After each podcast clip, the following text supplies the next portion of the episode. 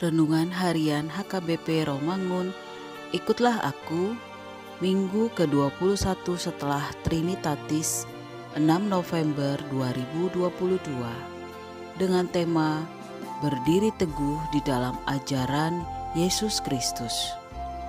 Bacaan epistel kita pada hari ini dari Mazmur pasal 145 ayat 17 sampai dengan 21 dan bacaan evangelium kita hari ini dari 2 Tesalonika pasal 2 ayat 13 sampai dengan 17 yang berbunyi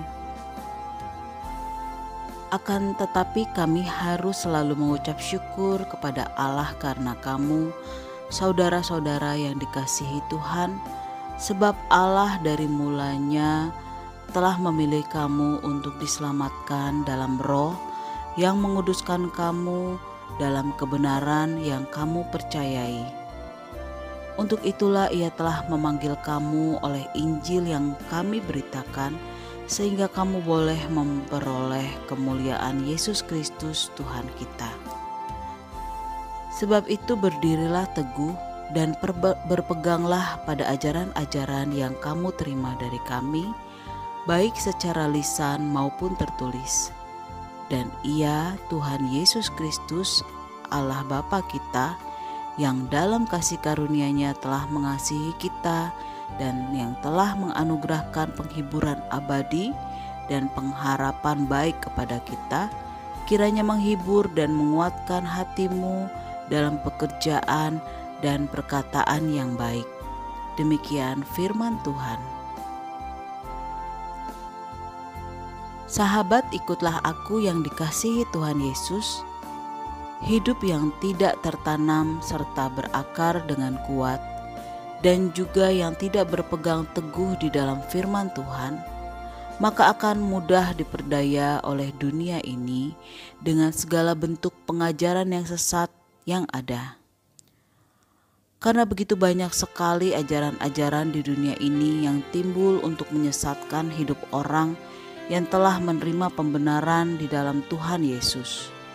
Apakah ajaran itu yang hanya mengandalkan logika atau kekuatan diri, padahal kita memperoleh keselamatan hanya karena kasih Tuhan? Dalam nas minggu ini, Rasul Paulus mengungkapkan ucapan syukurnya kepada jemaat Tesalonika karena karya dan tindakan Allah dalam Tuhan Yesus Kristus sungguh nyata dalam kehidupan mereka. Itu sebabnya Rasul Paulus menyatakan bahwa Allah memanggil mereka agar hidup di dalam Tuhan serta membuktikan karya ini melalui ketaatan mereka terhadap pengajaran yang mereka terima dari mulanya. Hal ini ditekankan Rasul Paulus karena ada orang-orang di Tesalonika yang menganggap bahwa kebenaran firman adalah sebuah kebodohan, sehingga mereka pun lebih condong mengandalkan filsafat dan hikmat manusia sebagai pegangan hidup mereka. Dalam situasi inilah Rasul Paulus menegur mereka dengan keras dan memberikan perintah kepada mereka agar tetap berdiri teguh di dalam iman serta senantiasa berpegang pada kebenaran Injil Kristus.